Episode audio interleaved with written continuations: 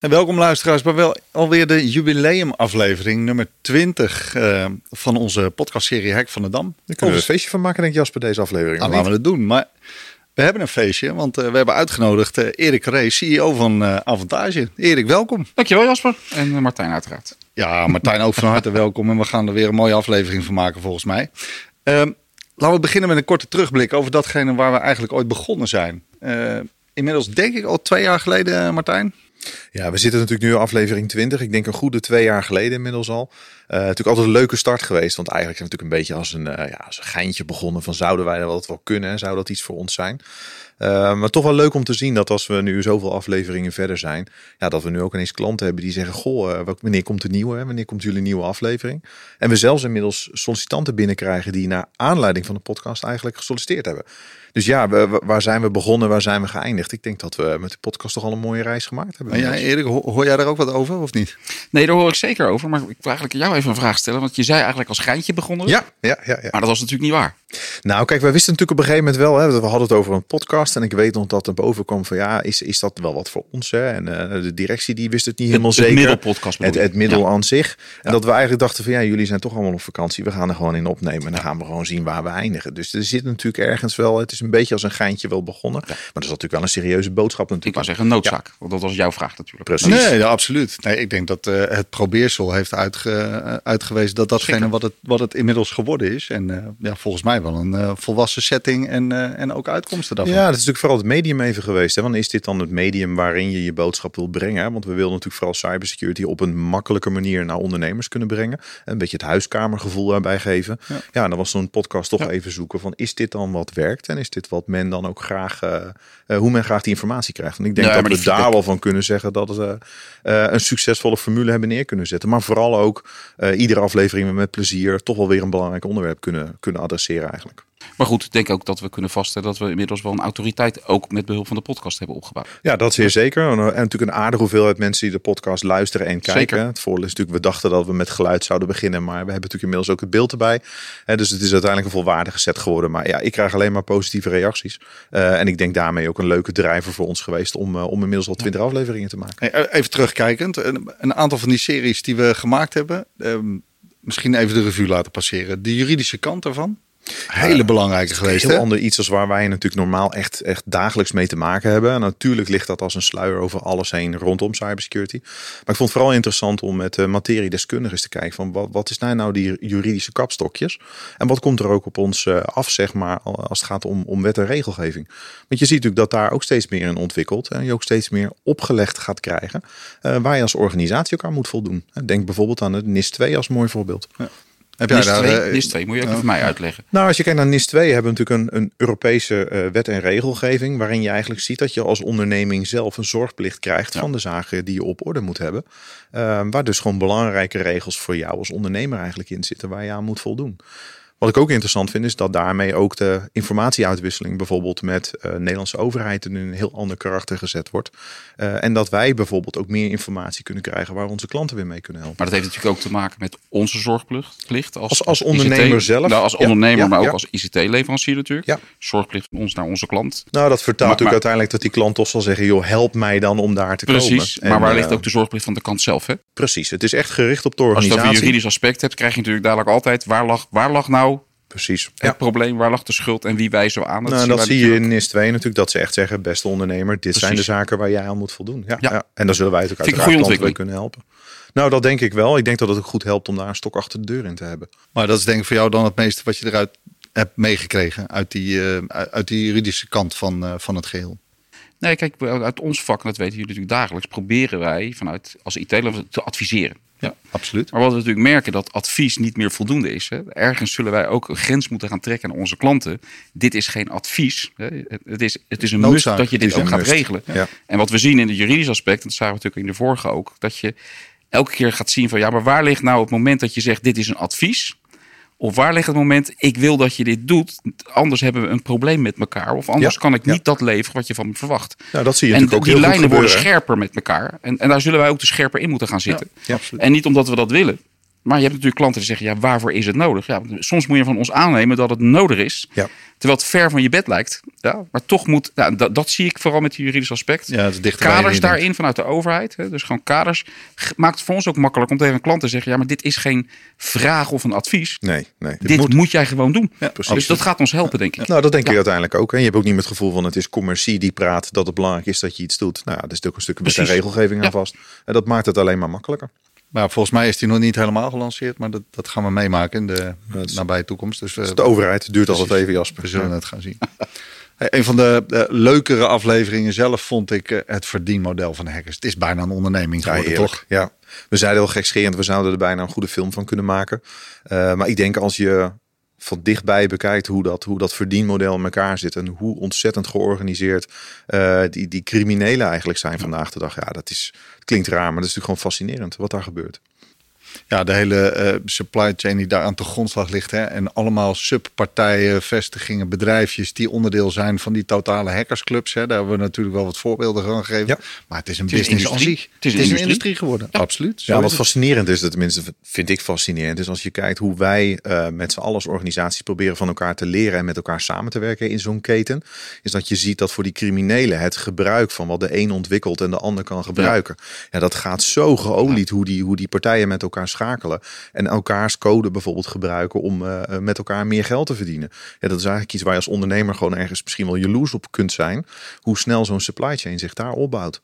Ja, en daar zijn die ondernemingen gewoon enorm professioneel in. Ja, nou, precies. Dat nou, belangrijk aspect dat we daar proberen in ieder geval eh, ervoor te zorgen dat we eh, die klanten daar niet mee vermoeien, zullen we maar zeggen. Nee, maar Ver ik denk dat het eh, ver weghouden. Dat is denk ik belangrijk. Maar het is natuurlijk ergens naar de andere kant, hè, de verdedigende kant, natuurlijk net zo belangrijk. Is dat wij ons ook zo snel kunnen ontwikkelen. En ook met elkaar vooral kunnen wapenen tegen dat soort zaken. En dat is natuurlijk, als je bijvoorbeeld kijkt naar Nederland als land aan zich. Ja, hoe weet je nou of wij veilig zijn en met welke ketenpartners moeten we dat doen? Dat is best wel een lastig vraagstuk. En zij zijn daar wel heel snel in en heel ver. Nou, dat is een mooi bruggetje, want gaan we die klanten dan wel mee vermoeien? En misschien is dat meer een, eh, een vraag aan jou, Erik. Eh, Crisissimulaties. We moeten oefenen. We moeten snappen wat er gebeurt. Ik denk dat eh, je wil die onzekerheid niet. Want uiteindelijk is waar we het over hebben, is onzekerheid. Ja. Het kan gebeuren. Ja. En ik geloof altijd dat als je onzekerheid hebt, geldt ook in het bedrijfsleven natuurlijk. Hè. Wij maken natuurlijk ook marktontwikkelingen mee. En daar kan je heel naar blijven kijken, maar ergens moet je gaan acteren. Nou, dat is met security natuurlijk ook. hè. Ja. En Ik denk echt dat dat soms niet op de agenda staat van een directie of een wat kleinere MKB'er. Ver van mijn bed, ik ben bezig met mijn business. Maar je zal echt hierop moeten gaan acteren. Want anders blijf je met die onzekerheid zitten. Ja, en ik wil niet slapen met het gevoel dat er morgen iets kan gebeuren... omdat ik een aantal zaken niet geregeld heb. Nee. En Dus in dat aspect klopt dat wat je zegt, Jasper. Ja. Ja. je moet die onzekerheid weghalen. Want het is een vorm van onzekerheid die erin zit. zeer zeker. Nou, en hoe kan ik dat dichttimmeren, zodat ik in ieder geval weet dat ik alles gedaan heb om het maximale, in ieder geval, nou ja, dicht Nou te ja, zetten, zal ik ja, maar even zeggen. Ik Ja. denk dat dat een boodschap is. Hè? Eh, Heb je nou het maximale gedaan om te voorkomen dat er überhaupt iets kan gebeuren? Nou, dat wil je natuurlijk altijd. Hè. Het liefste hou je natuurlijk iedereen buiten de deur, want dan, eh, dan hou je die crisis ook lekker bij je weg. Maar wat denk ik het meest interessant is als je kijkt bijvoorbeeld naar dat oefenen van zo'n scenario, is dat men vaak allemaal alleen maar denkt aan IT. Maar als je in de essentie kijkt, stel nou dat jij als organisatie slachtoffer, eh, slachtoffer wordt van ransomware, jouw IT functioneert niet meer, ja, dan moet je eigenlijk na gaan denken, hoe ga ik zorgen dat mijn business blijft draaien? Ja. En, dat is natuurlijk en dat is breed. Hè? Dat, Dat zit is in heel communicatie, moeilijk. Bij grote ja, bedrijven, PR. Want ja, het ligt zomaar. Hè? Je zit zomaar, sta je in de krant en, en wordt er Ja, over jouw bedrijf iets gezegd waar je misschien niets aan kan doen, maar waar je wel mee geconfronteerd wordt. Precies, ja. Heb je dat verzekerd? Hè? Heb je het niet Ja, verzekerd? Hè? Als je het over in dit geval hebt awareness en zorgen dat je het traint. Ja, je zou gewoon een draaiboek moeten maken. Als het dan gebeurt, ben ik voorbereid. Dat is wat je bedoelt, denk ik. Nou, dat, precies dat. Hè. We hebben laatst bijvoorbeeld zo'n crisissimulatie met een organisatie gedaan. En dat duurde het meer dan een uur voordat het besef eigenlijk kwam dat IT er niet meer is. En pas toen, toen kwam de klik van, ho even, er komen klanten, ik moet dingen doen, ik moet kunnen leveren, ik moet administratief dingen kunnen Ja. verwerken, Ja. ik heb iets nodig. Eh, en toen pas kwam het besef, wat nu? Ja. En ik denk dat dat vooral iets is waar je dat stukje zekerheid zoekt, is dat je voorbereid bent. En dan weet je nog niet alles zeker, maar je kunt wel door met je business. Is apart, want je zegt gisteren was ik thuis en eh, werd er gebeld. Stond een meneer voor de deur en die zei: eh, Kan uw vrouw ook even komen? Ik heb een belangrijk bericht. Het gaat over de veiligheid van uw eh, om- omgeving. Ik denk, nou, dat is een initiatief van de gemeente. En, Ja. Maar wat kwam die man vertellen? Dat hij heel graag een beveiligingssysteem aan mij wilde verkopen. En het is ons vak hè, waar wij het hier over hebben. En ik Ja. dacht, je hebt niet goed gekeken, want daar hangt de camera, daar hangt de camera.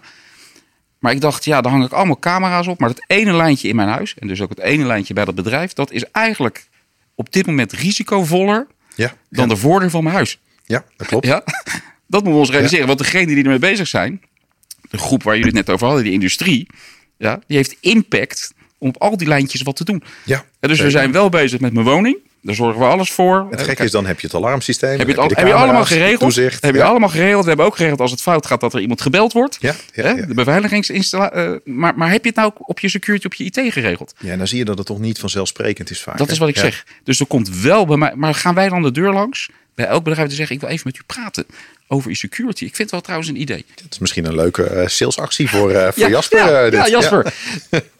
Hij deed het goed, die man trouwens. Point taken. dus we nemen hem mee. Eh, Aflevering 20. Dat, dat vraagt om meer, zou ik zeggen. Want volgens mij hebben we een hoop, eh, eh, hoop gedaan de afgelopen 20 afleveringen. Een hoop informatie verstrekt. Zijn er nog onderwerpen genoeg om het over te hebben, Martijn? Ja, ik denk als je echt gaat kijken, hebben we nou hele nieuwe dingen de komende tijd. Ik denk dat het allemaal wel meevalt. Wat je wel ziet is dat er natuurlijk een constante verschuiving is in het onderwerp aan zich. Hè, dus we hebben natuurlijk cybersecurity eigenlijk altijd benaderd vanuit techniek, omdat dat ook vaak Ja. over technologie gaat. Maar ik denk dat die verschuiving naar binnen organisaties steeds meer naar de boardroom, steeds meer naar het eh, niveau van directie en bestuur, dat dat wel iets is wat je nu ziet bewegen. En dat is denk ik een van de belangrijkste stappen die we moeten zetten, zodat je ook op alle vlakken draagvlak krijgt om als organisatie met het onderwerp bezig te zijn. Want het gaat niet alleen maar om die techniek en die vinkjes. Het gaat uiteindelijk om de totale bewustwording. Ja, dus eigenlijk een belangrijke tip. En waar we eh, ja, aandacht aan moeten blijven besteden, is die bewustwording vergroten en, eh, en informatie over blijven verstrekken. Eh, zodat men daarop kan anticiperen. Ja, het is bewustwording en je realiseren dat, volgens mij wat jij ook aangeeft en wat wij natuurlijk weten, dat het niet alleen in die techniek zit. Precies. Maar het zit ook voor een groot deel mensen in gedrag. Eh, Kijk naar, eh, naar, spam, naar, naar, naar spamming, eh, Ja, ja. de phishing. eh, ik, ik kreeg van de week nog een, eh, een mailtje eh, waar ik gevraagd werd even geld over te maken. Ja, gewoon gevraagd. Nou, ze blijven het proberen. Ja, ze blijven het proberen. Ja. Eh, en als je dan niet alert bent, en het klopte allemaal, jongens, tot in de puntjes klopte het. Hè. Het was Ja. echt, alles klopte, maar ja, je moet toch alert blijven. Nou, dat is het. Hè. Die groei van gecompliceerde aanvallen die inderdaad naar CEO-fraude neigen en al dat soort Zeker. zaken, die, die, die zullen alleen maar meer eh, eh, plaats gaan vinden. Is mijn verwachting. Ik weet niet hoe jij erover denkt. Ja, dat zal ongoing business blijven in die zin. Wat je natuurlijk wel ziet is dat de technologie die men daarvoor gebruikt steeds verder ontwikkelt. Hè. Dus het wordt wel steeds beter, steeds echter. Om het af te vangen. We hebben het gehad, ja, maar ook de aanvallende kant. En we hebben bijvoorbeeld gekeken naar de inzet van deepfake, waarin je bijvoorbeeld een video van iemand zou kunnen sturen van je boek datzelfde geld over. En die voorbeelden zijn er al, nog op kleine schaal. maar daar zit natuurlijk wel eh, de, de toekomst. Eh, nou ja, goed. Even afgerondend voor nu. Eh, we gaan zo meteen kijken naar de cybersecurity volwassenheid. Eh, ik denk dat het belangrijk is om daar nog even aandacht aan te besteden. Dus graag tot zometeen.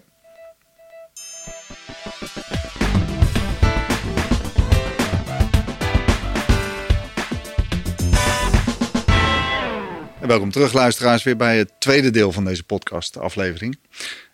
Martijn, we hebben nu even teruggekeken naar alles wat we in de afgelopen 20 afleveringen, 19 eigenlijk, gedaan hebben. Ehm, maar zien we nou een trend, een ontwikkeling in de, bij onze bedrijven in, in cybersecurity? Nou, wat je wel ziet is, eh, cybersecurity is natuurlijk vaak een start met technologie. Hè? Dus onderaan gaan we dingetjes doen om te zorgen dat dingen veiliger worden. En dat is natuurlijk van origine vaak technologisch gedreven. En Neem de, de antivirusoplossing bijvoorbeeld. Wat we nu wel steeds meer zien, en gelukkig helpt dat ook dat organisaties daar intern ook meer aandacht aan besteden, is dat het natuurlijk ook een plek heeft waar het moet groeien in volwassenheid. En dus waar we eerst iets ad hoc hadden, en antivirus, we hadden een dingetje daar, we hadden een oplossing voor dat, zie je dat bedrijven wel steeds meer naar een stuk volwassenheid aan het groeien zijn, waar we meer gecontroleerd oplossingen hebben staan, waar we ook de processen op de juiste manier borgen en idealiter ook steeds meer gaan monitoren of die systemen op de juiste manier werken. En dus je ziet daar wel een groei in volwassenheid. Je hebt, je hebt ook regelmatig contact met, met klanten nog, hè, koffiemomentjes en je speelt eh, eh, directieleden van andere eh, partijen. Zeggen zij hetzelfde? In de, in de Nou, hoedanigheid ik- van, joh, ik, ik- wil volwassener of zo? Nou, het woord volwassen, dat is trouwens een mooi woord, maar dat is gebruiken ze dus niet. Hè? Nee. Eh, naar ons toe zeggen ze natuurlijk, het moet geregeld zijn. Ja. Maar wat er geregeld zijn, wat hun eigen rol daarin is, die zien ze niet altijd. En ik denk ook dat we wel eens vergeten dat wij een rol hebben, maar ze hebben zelf ook een rol. Zeker. Dus ik denk echt dat het steeds belangrijker wordt dat bedrijven zich ook realiseren dat IT niet een onderdeel is vanuit de techniek alleen, maar ook vanuit proces, awareness Ja. en borging. Dus ik denk ook dat je een IT-manager, die moet je ook, denk ik, gaan trainen. De IT-manager bij het bedrijf, die moet je ook dit aspect meegegeven, veiligheid. Het is niet meer een add-on op IT.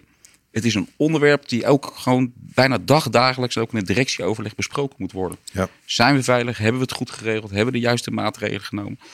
En die awareness zie ik nog niet overal. Nee, dus je En hebt daar niet maak ik me ook wel zorgen over. Hè? Want Ja, wij proberen het te pushen. Dan kom ik weer met die adviesrol. Hè? Maar waar gaan wij een grens trekken? Ja, maar dit is nogmaals geen advies. Dus ik denk dat daar zeker... Wij hebben daar nog een rol in. Maar het besef moet zeker nog doordringen in, eh, dringen in Ja, eh, dus- directiekamer. Dus het is er nog te weinig. Ja, dat is eigenlijk wat absoluut. je, wat je Absoluut. kunt bevestigen. Ja, en daar merk je vaak ook dat je nog de, soms ook de verkeerde rol tegenover je hebt zit om eigenlijk Zeker. de juiste boodschap te laten landen. Eh, Want eh, veel bedrijven zien natuurlijk de IT-manager als de, de oplossing voor alle problemen rondom cybersecurity. Maar op een gegeven moment is dat eigenlijk niet meer de persoon waar je dat gesprek rondom security mee hebt. En dat moet je idealiter natuurlijk wel wat hoger in die organisatie ook zien te vinden. Ehm, we zien daar natuurlijk wel al in dat heel veel organisaties dat intern wel moeilijk kunnen borgen. Hè? Want dan kom je natuurlijk wel weer met een expertisevraag om de hoek kijken. Eh, en dat er steeds meer eh, functies in de rol van bijvoorbeeld een CISO of een deeltijd CISO as a service ingezet worden. Om die organisaties ook intern te kunnen helpen. En want je kunt op een gegeven moment denk ik ook niet meer van de IT-manager verwachten. eh, dat hij dit onderwerp ook volledig binnen je organisatie kan Nee, adresseren. het is een, het is een kennis, eh, kennisgebiedje wat, Ja. wat echt wel ontwikkeld moet zijn. Het Ja, vaardigheden. Ja. Dus je ziet daar wel een groei in volwassenheid. Ondanks dat ze dat woord zelf natuurlijk intern dan niet gebruiken. Maar we zien wel dat het bewustwording langzaam begint te schuiven. En daarmee de manier waarop het een plek krijgt wel meekomt. Maar dat zei je net, hè? Ik bedoel, er zijn een aantal fases die je eh, moet doorlopen. Hè? De initiële veiligheid, die kennen we natuurlijk wel. Ja. Hè? Een virusscanner, maar vandaag de dag echt niet meer voldoende. Hè? Eh, dat zegt ook de juridische kant ervan.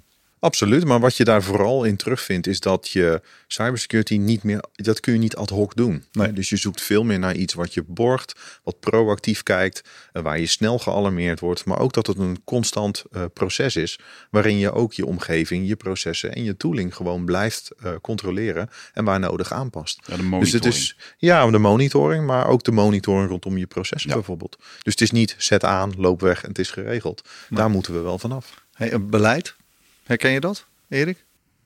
Ja, maar ik denk dat het in lijn ligt met wat we net zeggen. Ja. Eh, Security is beleid. Hè? Ja. Je moet het continu weer evalueren, Ja. weer bekijken, analyseren. Het is vooruitschrijdend, hè? dus het gaat, het gaat steeds sneller. Dat hebben we net ook gehad natuurlijk met het hackgedeelte.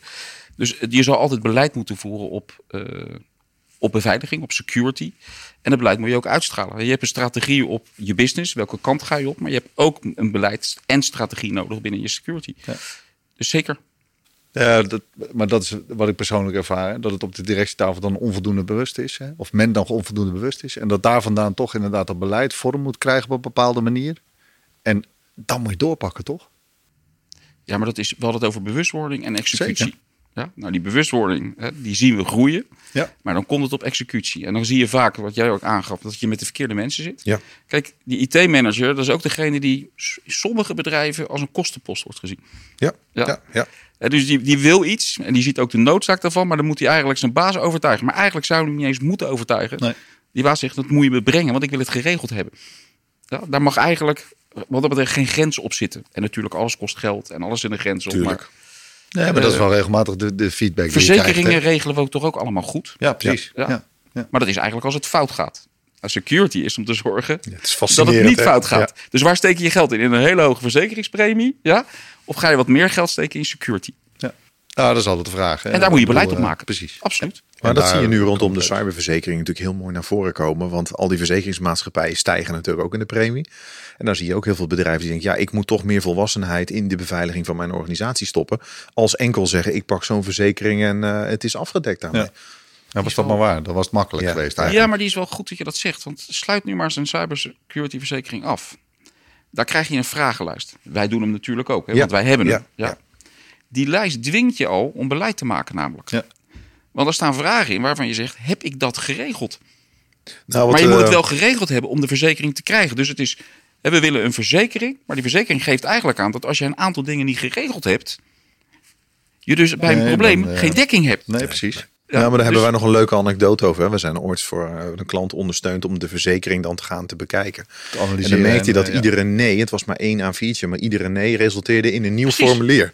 Dus we zijn na een minuut of veertig ook maar gestopt. Want op een gegeven moment is het meer van ja, stop ik nou al die effort in die verzekering? Of ga ik gewoon met die volwassenheid van mijn beveiliging aan de slag? Want daar ligt natuurlijk de crux. Elke nee is een verhoging van je nou, dat gaat heel hard mee, Ja. zeg maar. Het aantal vragen en de, en de premie. Dus Nou, als dat, je die eh, balans, hè, dus weer beleid, die balans naast elkaar neerlegt, ja, Ja. dan kom je erachter dat je misschien beter in die security geld kan steken Ja, Precies. Ja. Dan in die verzekering. Nou ja, dat is een goeie. hè, Want eh, eh, ja, stel dat je dit zou willen doen en je weet niet waar je beginnen moet. eh, vul die vragenlijst in en volgens mij krijg je al je invullen, antwoorden. Dan krijg je heel veel Ja, antwoorden. Ja, en dan zie je dat veel verzekeraars natuurlijk, als het bijvoorbeeld gaat om ransomware, is interessant hè, dat dat nog steeds verzekerbaar is. Maar daar zie je natuurlijk ook heel sterk die eh, basisvoorzieningen niet op orde is plus x per maand. Ja, dat gaat natuurlijk wel, wel flink omhoog op die manier. Dus het wordt gewoon veel moeilijker ook. Hey, nou, daar zitten we natuurlijk die basisvoorzieningen. Nou, daar hoeven we het niet meer over te hebben. Volgens mij is het evident dat je dat moet organiseren. Eh, cybersecurity processen, je had het net al even. eh, eh, wie, wie regelt dat dan binnen zo'n organisatie? Eh, We kunnen het mogelijk niet meer aan die IT-manager vragen, maar het moet op een ander niveau. Een CISO, is dat de uitkomst? Nou, ik denk voor veel organisaties wel. Ehm, eh, ik denk dat een CISO altijd kan bijdragen om je organisatie vooral volwassener te maken op dat vlak. Wat je wel ziet is natuurlijk dat veel organisaties zoiets hebben van ja, ga ik daar zelf een CISO voor een dienst nemen? Ja, dat is natuurlijk ook een, eh, dat is ook wie iemand op de loonlijst staat. En heb ik diegene dan wel voor die volle 40 uur in de week nodig? Ehm, gelukkig zie je daar eh, ook oplossingen zoals de CISO as a service om toch timeshare gebaseerd ehm, zo iemand in dienst te kunnen nemen. Ja, en dat is voor veel organisaties wel een handige zet. Ja. Overigens vind ik, jij zei net, we moeten niet meer in gesprek met de IT-manager. Ik vind dat we wel in gesprek moeten blijven met die IT-manager. Die is belangrijk, die IT-manager. Alleen hij moet, in dit geval eigenlijk zijn directielid, moet accepteren dat hij soms met een kostenpost komt, post, Ja. post komt, die Ja. wel degelijk van relevant is voor de security. Ja, misschien dat je de, eh, dan is het anders eh, dat we hem moeten helpen om dat over de bühne te krijgen. Ja. Dat is eigenlijk wat je bedoelt. Ja. Nou, we zien nu wel veel, en dat vind ik dan een positieve ontwikkeling, dat wij ook bij veel van onze klanten merken dat wij ook eh, samen met de IT-manager ook een stuk budgettering bijvoorbeeld voor het nieuwe jaar doen. En zodat je ook de zaken die je met elkaar vindt dat je moet doen, dan gaat het niet eens om de commerciële kant, maar vooral wat is nou essentieel voor, voor die organisatie, dat je daar wel bij kunt ondersteunen. Maar je merkt ook dat die behoefte er wel is om die vertaling te maken. Want dat wordt natuurlijk ook steeds lastiger. Hoe geavanceerder je zaken wil oppakken, je zult toch met een, een, een duidelijk verhaal moeten komen waarom je daar budget voor wil hebben. Nou ja, Leg ik het denk maar dat, eens uit. dat vandaag de dag ook die ontwikkelingen vanuit een IT-managementrol ook eh, hè, zich moet ontwikkelen naar hè, de stand van vandaag eigenlijk. Hè. Eh, Absoluut. we hebben het niet meer over traditionele IT-vormen, maar inderdaad ook over cybersecurity-dreigingen, over andere innovatieve eh, zaken. Kortom, het alleen maar faciliteren van ICT is eigenlijk een tekortdoening voor die, voor die man of vrouw die dan op die positie zit. Absoluut. Dus ik- denk dat daar inderdaad, als we handvatten kunnen leveren, dat we dat moeten doen. Eh, ik heb nog iets staan, 24 keer 7. Waar hebben we het over? We moeten natuurlijk die cybersecurity 24 keer 7 in de gaten houden in eh, de hoedanigheid van een hogere mate van volwassenheid. Nou ja, die 24 keer 7, hè, je kunt natuurlijk denken, gaat het dan om 24 keer 7 in de gaten houden van de systemen? Ja. Maar wat je eigenlijk wil, is dat je gewoon rond de klok en constant 365 dagen per jaar eigenlijk bezig bent met de beveiliging van je organisatie. En dat kan zijn dat je een proces verbetert of dat je iets moet, moet aanpassen of tweaken en tunen. Maar vooral het belangrijkste is natuurlijk dat het een constant proces is. Dus je doet vandaag iets, je doet morgen iets. En eigenlijk moet constant die toetsing van kwaliteit, of het nog aansluit bij de organisatie, ligt Ja. het nog in lijn met mijn beleid, is dit nog voldoende vandaag de dag? Zou eigenlijk een constant proces moeten zijn. Dan zit je wel hoog in het niveau van de volwassenheid. Dan zit je natuurlijk bovenaan de keten van volwassenheid. En ik denk als organisatie dat sommige stappen van nu ad hoc werken naar gestructureerd werken al een flinke eh, stap is die je zet in volwassenheid.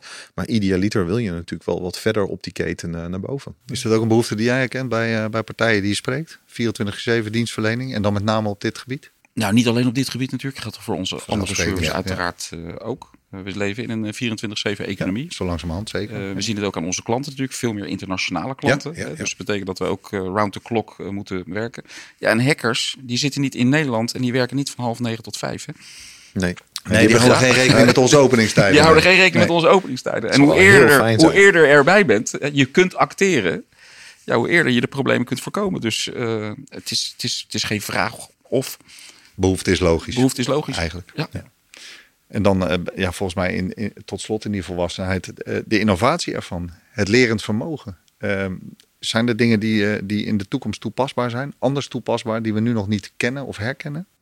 Nou, ik denk um, als je kijkt naar innovatie, dat vooral de kunstmatige intelligentiekant, de AI-kant, een enorme drijver zal zijn wel voor de toekomst. Enerzijds natuurlijk systemen die uh, beveiliging realiseren of detecteren op basis van AI. Maar je ziet aan de aanvallende kant dat men ook steeds meer aan het kijken is van hoe kun je autonoom uh, je middelen inzetten om organisaties aan te vallen. Uh, van de week kwam ik bijvoorbeeld een, een oplossing tegen die had iemand ontwikkeld die zelfstandig gaat zoeken naar kwetsbaarheden en dan gaat wegen en vervolgens gaat aanvallen om te polsen wat het snelste is voor jou om binnen te komen. Ja, dat is natuurlijk een vorm van AI die waanzinnig technologisch gaaf is, maar natuurlijk voor doodeng is voor de organisatie. Ja. Want de enerzijds wil je het inzetten om te leren en om te beveiligen, maar het kan dus ook tegen je werken. Ja, we hadden het er al even over. Hè. het zijn echt organisaties aan het worden natuurlijk. Hè. Businesses die ook de tijd, de energie en mogelijk ook het geld hebben zelfs om deze innovatie te, te doormaken. Nou, dat is het, het, leuke is, je schetst geld. En ik weet nog een van de keynote uh, presentaties van Mico van Witsecure bijvoorbeeld. is een mooi voorbeeld. Die heeft het dan over uh, cybercrime unicorns. Hè. Dus organisaties die een miljard waard zijn. En, dus die middelen ter beschikking hebben om ja, eigenlijk cybercrime te kunnen faciliteren. En te kunnen financieren. Ja, daar zitten we wel heel dicht tegenaan. Dus je hebt straks te maken met groeperingen die iedere technologie kunnen kopen. Die op dat moment beschikbaar is. En dat eigenlijk kunnen inzetten tegen. Ja, dat, dat doet wel iets als je er natuurlijk over nadenkt. Dat is natuurlijk serieuze business. Ja, dus een, eh, een zorg voor de toekomst dan, ja. Erik. Ja, het is een verdienmodel. Hè? Dus Zeker. dat betekent dat iemand gehackt is ook bereid is om te betalen. Anders bestonden ze niet meer. Nee, nee absoluut. En dat zullen we door moeten doorbreken met z'n allen. Ja. ja. Ja, daar kennen we de voorbeelden van. Hè. Sommigen betalen wel, anderen betalen niet. Hè. Het wordt er gelukkig wel minder. Hè. Want als we kijken ten opzichte van vorig jaar, uh, is het op dit moment wel gedaald van 70% betalend naar ongeveer in de 40. Dus je ziet wel dat bedrijven veel minder snel tegenwoordig betalen. Bereid zijn om Anderzijds zie je dus aan dat de criminelen andere manieren verzinnen van het gijzelen weer. Hè, om toch te zorgen dat die pressie er is. Ja. Maar het verandert wel. De vraag is alleen natuurlijk, wat Dat is een goede ontwikkeling dus. Ja, absoluut. Ja. absoluut. Ja, we weten niet echt goed wat, wat de volgende stap is. Hè. Je zegt nu gijzelen en, en stuk maken bij wijze van. Hè. Dat zijn de, de twee componenten eigenlijk. Hè. Gijzelen van de software en of we maken het stuk of we, we, we publiceren zaken. Dus ook dat is natuurlijk uh, geen goede zaak. Ja, ze zijn constant zoekend. Hè? Want op het moment dat je natuurlijk merkt dat je businessmodel inzakt, is niet anders dan een normale onderneming. Ga je toch zoeken naar nieuwe manieren van, van handel drijven. En nu zie je bijvoorbeeld ook dat het lekker van data, wat normaal op het dark web gebeurde, hè? dat is ook een beetje lastig zoeken voor, de, voor iedereen die het wil hebben. Maar dat ze dat nu aan het verplaatsen zijn meer naar het normale internet. Waardoor je sneller dat soort data kunt vinden. Puur om weer te kijken, is dat dan de motivator om wel te betalen? Of als ik jouw klanten of relaties ga benaderen op basis van die informatie. Ja, ben je dan bereid te betalen? Of de andere kant. Dus ja, dat is een constant kat-en-muisspel. En in ieder geval uh, ja, denk ik dat we niet klaar zijn, maar dat dat ook vrij logisch is. Nou, volgens mij genoeg ontwikkelingen die, uh, die er plaatsvinden. En om ook in uh, volgende series nog wat over, over te hebben. als we verder kijken zometeen, dan willen we toch eens ja, wat dieper inzoomen hoe wij als organisatie gegroeid zijn. Dus graag tot zometeen.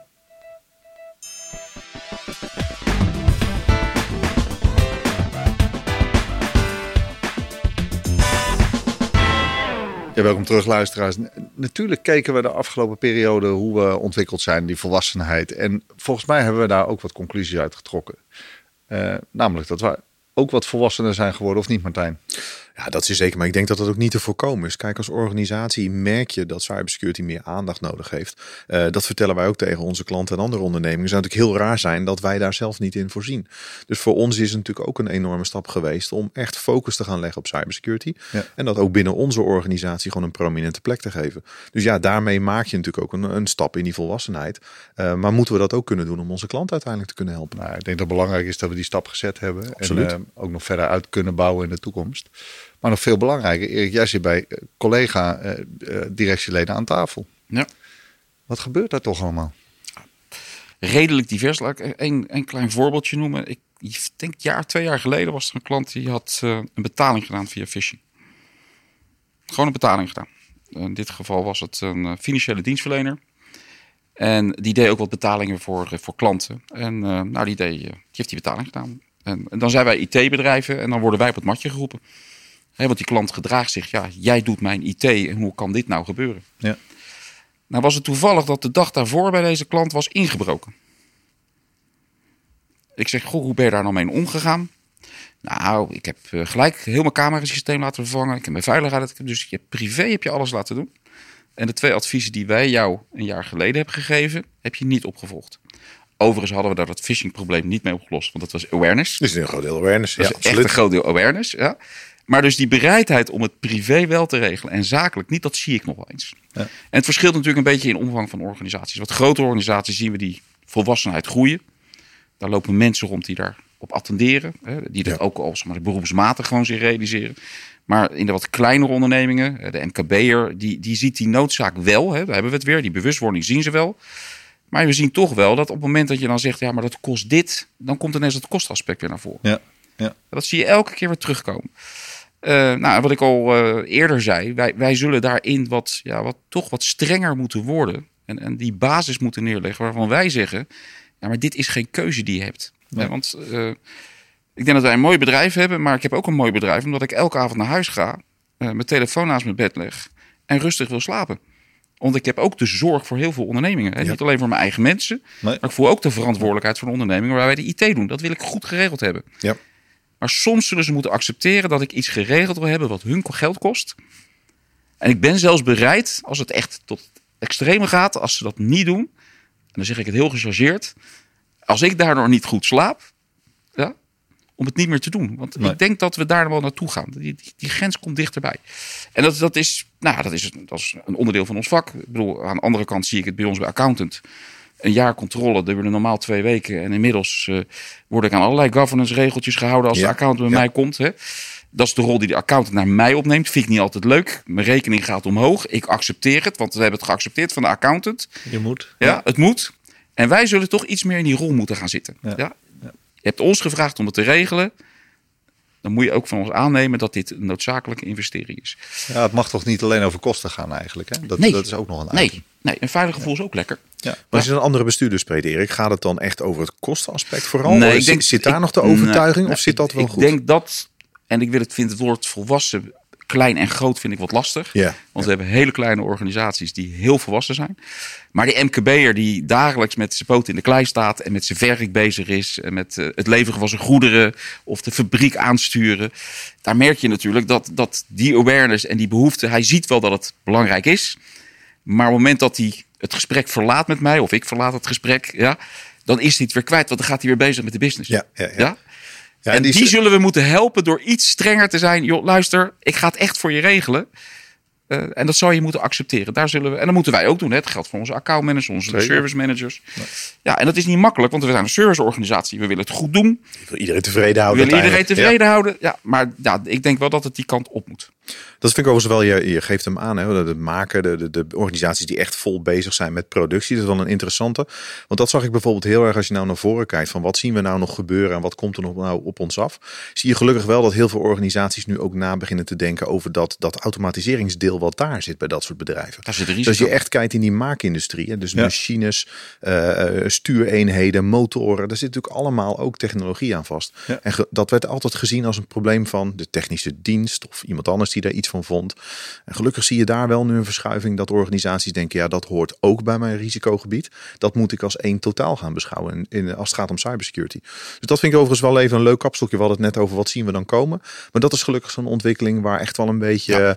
en waar men een beetje feeling bij krijgt van ik moet daar iets mee. Gelukkig. Ja, men ziet dat niet direct als, eh, als IT gefaciliteerd voor een werknemer om zijn werk te kunnen doen. Hè? Vanuit Nee, een PC-achtige constructie. En het leuke is, eh, eh, als je bijvoorbeeld kijkt naar die systemen, is het, het zijn misschien domme apparaten die er staan, maar er zit altijd iets bij wat het aanstuurt. En Ja. dat deel is natuurlijk kwetsbaar. Het leuke was, want we hadden cybercrisis, hebben we natuurlijk net al even geadresseerd. Eh, we hebben onlangs zo'n cybercrisis gedaan voor een organisatie. En daar zei iemand bijvoorbeeld ook, nou, als de hele IT plat ligt, ja, ik kan gelukkig mijn schades allemaal nog repareren. Want ik kan nog gewoon auto's spuiten als er wat aan de hand is. En toen stak er ook iemand zijn hand op en zei, ja, maar die verfmengmachine, daar zit wel een computer aan vast en die doet het even niet. En daar zie je met al dat soort dingen, dat is gelukkig steeds meer het besef van, ja, daar moet je als organisatie ook wel wat mee. Dus een leuke sector, denk ik, de maakindustrie op dat vlak. Dat is wel interessant in de keten, hè? want je hebt het eigenlijk over een keten. Hè? Ja, Ja, je zal die keten inzichtelijk moeten maken. Wat Precies. gebeurt er en wat kan ik nog wel en wat kan ik nog niet? En Ja. waar moet ik zeker maatregelen nemen om te voorkomen dat mijn productie stil komt te liggen? nou, daar zag je bijvoorbeeld hè, als het gaat om eh, een ketenpartner. Van heb ik dan niet een organisatie die op dat moment Ja. al deel voor mij kan ontzorgen. Zodat ik wel productie kan draaien. Zonder IT bijvoorbeeld. En dat Nou. voorbereid zijn op. Hoe hou je dat wel in de lucht uiteindelijk? Hè, Dat, dat bepaalde processen wel gewoon door kunnen draaien zonder dat je daar de administratieve afhandeling voor hoeft te doen, bewijzen van. Ja, en ik denk dat het een afweging is van kun je het als organisatie incasseren dat het bijvoorbeeld het een week niet doet of twee weken. Want gemiddelde downtime in bijvoorbeeld een zo'n incident is 23 dagen.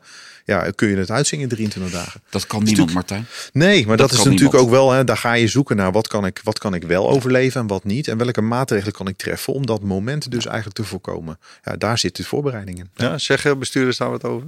Nee, niet specifiek. Ik heb deze niet aan de hand gehad. Maar als jij zegt, kan je het je permitteren? Ik denk dat geen enkele onderneming zich kan permitteren. Twee dagen, welk onderdeel van het productieproces of van het proces in dienstverlening, dat kan niemand zich permitteren. Nee. Of je klein of groot bent. De daar ratio's moet- zijn namelijk allemaal hetzelfde. Het Precies. is allemaal hetzelfde. Dat kan je niet Je permitteren. moet gewoon iets regelen, dat is de Ja. conclusie. Ja. Wel interessant dat jij zei, we hadden het even eerder over. Je ziet een verschuiving wat die hackers doen. Zie je dan ook een verschuiving juist naar die maakindustrie? Want die andere kant, hè, je had het over die 40, 70 procent. Hè? 70 procent betalen gaat naar 40 procent. Ja. Hè? Zie je dan ook, omdat daar het dichtgetimmerd wordt, dat is het effect van die 70-40. Zie je nou een verschuiving bij hackers naar die maakindustrie, denk jij? Nog niet op Wat- grote schaal nu, maar wat je wel ziet is dat bijvoorbeeld nieuwe vormen van malware die men gebruikt, bijvoorbeeld ook echt doelbewust op dat soort nou, even domme Ah. technologie gericht worden. Ehm, want die omgevingen zijn van nature eigenlijk altijd los geweest van iedere vorm van communicatie met andere netwerken. Ja. En je ziet dat door de jaren heen een kabeltje extra en een poortje hier en internettoegang voor die uiteindelijk gezorgd heeft dat die omgevingen eigenlijk gewoon vers- eh, gekoppeld zitten aan het normale netwerk. Het versmelt eigenlijk Ja. met de En kantoorautomatisering. vroeger was natuurlijk het OT, zoals we dat noemen, los van de kantoorautomatisering. Maar dat is natuurlijk eigenlijk niet meer. En daar, eh, daar zit wel een risico. Want veel van die apparatuur is oud, is niet beheerd, is niet geüpdate, heeft geen maatregelen. Ja, dat is wel. eh, en daar zit wel je primaire productie. Aandachtsgebied. Ja, kortom, eh, ook daar moeten we dan weer aandacht aan gaan besteden. Ja, het is vervelend, maar eh, ja, we hebben er weer iets nieuws bij. Nou, gelukkig hebben we de focus op. Dus wat dat betreft kunnen we Absoluut. dan weer. eh, maar zie je dat mee in de ontwikkeling? Of is, is dezelfde technologie toepasbaar om, om, om zaken daarin te voorkomen? Het vergt vaak een in, in iets ander gedreven technologie. En dat heeft er ook mee te maken dat dat soort apparatuur gewoon wat, wat anders communiceert als dat wij met onze telefoons, laptops en computers doen. Maar je ziet wel dat als we bijvoorbeeld kijken naar Microsoft daar in hun portfolio ook op doorontwikkelt. Dat jij vanuit je eh, eh, integrale beveiligingsstrategie ook daar oplossingen voor hebt. Dus er komt gelukkig wel veel meer ook makkelijk toegangbare eh, technologie die je daarvoor in kunt zetten. Ik, ik denk wel wat je vaak ziet in die maakindustrie, eh, met name bij zal maar zeggen, PC's die apparatuur aansturen, dat er heel vaak nog oudere versies worden Absoluut. gebruikt, omdat het systeem wat erop draait nog geen nieuwe versies Ja. kunnen aankunnen. Of een enorme investering is om bijvoorbeeld naar een nieuw systeem te ja. gaan. Maar dat is altijd leuk als voorbeeld. Natuurlijk een heel groot deel van de Amerikaanse eh, pinautomaten bijvoorbeeld draait nog Windows XP wereldwijd. En dus daar zie je ook al dat het gewoon, je kunt wel zeggen, moet je niet doen. Ja, het is wel je business wat erop draait. Is dit dat een uitnodiging om het te proberen? Nou, misschien dat fijn dat ze dat een tijdje als onderwerp kiezen. Dan hebben wij misschien wat minder last van die kant op. Maar nee, het is denk ik wel een indicatie natuurlijk dat het een gebied is waar je, ja, als je er afhankelijk van bent, wel iets mee moet. Nou ja, wat je zegt, als het aanvalslandschap verandert hè, en als men de technologie daarop eh, gaat baseren, zul je ook je verdedigingsstrategie daarop moeten loslaten. Ja, ik denk dat het weer in lijn ligt wat Erik zegt. Uiteindelijk wil je als ondernemer eh, lekker slapen, wetende dat dat deel van je organisatie eh, veilig is. En ik denk dat je vooral die zekerheid voor jezelf moet gaan ophalen in plaats van denken het zal wel zo zijn. Ja, dus de basisverantwoordelijkheid ligt er ook voor ons om eh, hè, proactief te blijven melden. En, en jij geeft En heel soms wat dringend aan. En wat Dwingender. dwingender zijn. Dwingender zijn. Ja. Daar is men wel gevoelig voor. Is dat wel je ervaring dan? Daar moet je niet bang voor zijn. Ook vanuit Nee. onze positie moet je er bang Nee. voor zijn. Een, een goed advies kan je accepteren of niet accepteren. Ja. Ja. Maar het feit dat we die brengen is, is wel noodzaak. Dat is ook jouw constatering. Nou, dat is noodzaak, want als wij hem niet brengen en je hebt hem niet gebracht en er gebeurt iets, krijg je het verwijt dat je hem niet gebracht hebt. ja. Ja. Dit, is, dit is die accountant die tegen mij zegt: je moet dit, je moet dat, je moet zus, Ja. je moet alles geregeld hebben. Je ziet het met onze verzekeraars. Ik krijg elk jaar een review van onze verzekeringen. Ja, dat zijn ongeveer 25 opties die ik kan nemen om te verzekeren. Daar maak ik de afweging om er 13 te nemen. En dan moet je er maar even van me aannemen dat we dan goed verzekerd zijn. Ja. Ja. Maar 12 neem ik er niet. Maar ik krijg wel de bevestiging dat ik moet tekenen dat ik die 12 niet genomen heb. Nou, dat is een beetje met cybersecurity ook. Ja, Ja. wij zullen moeten een zeggen. hele duidelijke reden in waarom Ja. ze dat doen. Ja. Dat is een hele duidelijke reden, want ze willen niet het verwijt krijgen. Ja, juridisch. Ja. Ja, zorgplicht. Precies. Hun hebben aan hun zorgplicht gedaan. En we zeggen, joh, dit zijn 25 opties zou je moeten nemen. Je kiest er 13. Die andere 12 neem je niet. Wil je daarvoor tekenen? Eigenlijk is het met, als je naar ons portfolio kijkt, hè, we hebben veel diensten die met een security aspect te maken hebben. Wij zullen moeten gaan zeggen tegen onze klant, dit is de basis. Hè, Goede definitie, nou die kennen wij wel. Ja. En die vertellen we ook aan onze klanten. Er zijn nog wat opties. Die hoef je niet te nemen. Want de basis is bij ons de ondergrens. Hè. Wij zeggen, joh, dit Absoluut. moet geregeld Ja. zijn. Ja. En dat is die ondergrens van, joh, hier Ja, ga je echt Dat is geen discussie uit. dat mag geen discussie zijn. Die andere kan je uitleggen. En dan moeten wij uitleggen. Wat, wat betekent dit? Kan ik nog iets dieper slapen of iets minder diep slapen? Op dat niveau een beetje. Ja? En daar zullen we moeten zeggen dat zij moeten accepteren dat als ze het niet doen, dat ze dan ook het risico nemen. Dat is nou niet gelijk dat ze daarmee niet veilig zijn. Hè? Hè, maar je, dicht, je timmert het nog iets dichter. En helaas zijn we wel genoodzaakt om dat te doen, omdat het juridische aspect is. Als, Ja. Dat is namelijk een deel van onze zorgplicht. Ja. Ja, want als het dan fout gaat en die veertiende dienst die ze niet genomen hebben, hebben wij niet op geattendeerd. En die ondernemer is niet zo eerlijk om tegen te zeggen: ja, dat heb je wel gedaan. Of ik kan me herinneren dat je het me verteld hebt. Ja. Ja. Dan is er angst, er is paniek op zo'n moment. Ja, hè, dat hebben we natuurlijk meegemaakt. Ja. En dan gaan ze ineens zich acteren van: ja, maar dat heb, ja, je hebt het me wel verteld, maar je hebt het me niet bevestigd.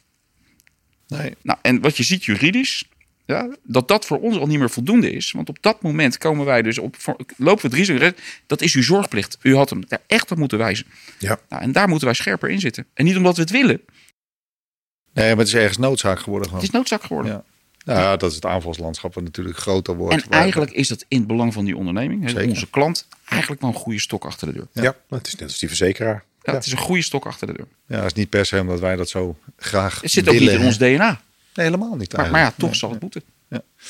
Nou, ik denk dat dat wel een hele goede conclusie is van, eh, van datgene wat we weer constateren. Hè. De- Wat dwingender zijn, ik denk dat dat dan de, de, de ultieme boodschap In het belang is. van de klant. Vanzelfsprekend, ja. En een aantal zaken die, hè, basis op orde, hygiëne moet geregeld zijn. Eh, volgens mij zitten daar een basisaspecten in die, eh, die beveiligingstechnisch eh, eh, gewoon simpelweg gedaan moeten worden. Maar daar, eh, daar, daar kierde ook niemand naar. Natuurlijk moeten we die dingen doen. Hè, een basisverzekering neemt iemand ook. Hè, dat is eigenlijk wat je zegt. hè. Die 13 die vind je noodzakelijk. Die andere 12 zijn opties. Misschien handig, misschien niet. Die afweging maak je. Maar daar ligt wel iets specifieks aan de grondslag dat in ieder geval de ba- basis geregeld is. Daar moeten we daarmee eh, mee door. Wat vind jij? Nou, kijk, die, die, ehm, wat we natuurlijk niet moeten vergeten is zo'n basis, die basismaatregelen groeit natuurlijk ook over de tijd. Hè? Precies. En dus dat is ook dat stuk van dat constant bezig zijn met die veiligheid. Als wat vandaag de dag voldoende is, kan misschien volgend jaar zijn dat we zeggen, ja, dan moet toch nog een schepje bovenop, omdat we X, Y en Z zien gebeuren. En dus dat is denk ik ook een mooie indicatie. Eh, het gaat om dat constante proces. En dat is uiteindelijk wat je met organisaties wil. Dat je iedere keer in gesprek blijft over het onderwerp. eh, en het niet eenmalig neerzet en niet meer omkijkt. En ik denk dat dat misschien nog wel het belangrijkste is. Want op het moment dat je het iedere keer rond laat gaan, die cirkel, raak je ook vanzelf weer die belangrijke onderwerpen. En ben je met elkaar steeds verder in controle over wat je aan het doen bent. Eh, Voordat we afsluiten, Erik, eh, heb jij nog een, een, een tip aan je collega-ondernemers? Kun je ze nog iets verder de security veiligheid induwen? Nou, ik denk dat we daar al heel veel over gezegd hebben. En ik wil ook niet te dwingend zijn. en dat ben ik al een beetje geweest, denk ik, eh, vandaag. Ja. Zet het op de agenda. Ja, Ja, precies. en, en, en niet één keer. Het moet een terugkerend onderwerp zijn. En ik snap, als je de cijfers bespreekt en de voortgang spreekt, hoeft het niet altijd op de agenda. Maar zorg dat het een vast agendapunt is. En, en neem ook de verantwoordelijkheid om te toetsen. En zeker als bestuurder, hè, want je bent ook bestuurder van een onderneming. Zeker. eh, om te toetsen of je dat hebt gedaan waarvan jij zeker bent. Of in ieder geval de overtuiging hebt dat je daarmee de risico's zoveel mogelijk hebt beperkt. Dus zet het op de agenda. Dat zou mijn advies Ja. Nou, volgens mij een, eh, een prima statement om mij af te sluiten. Erik, hartelijk dank dat je aanwezig wilde zijn vandaag.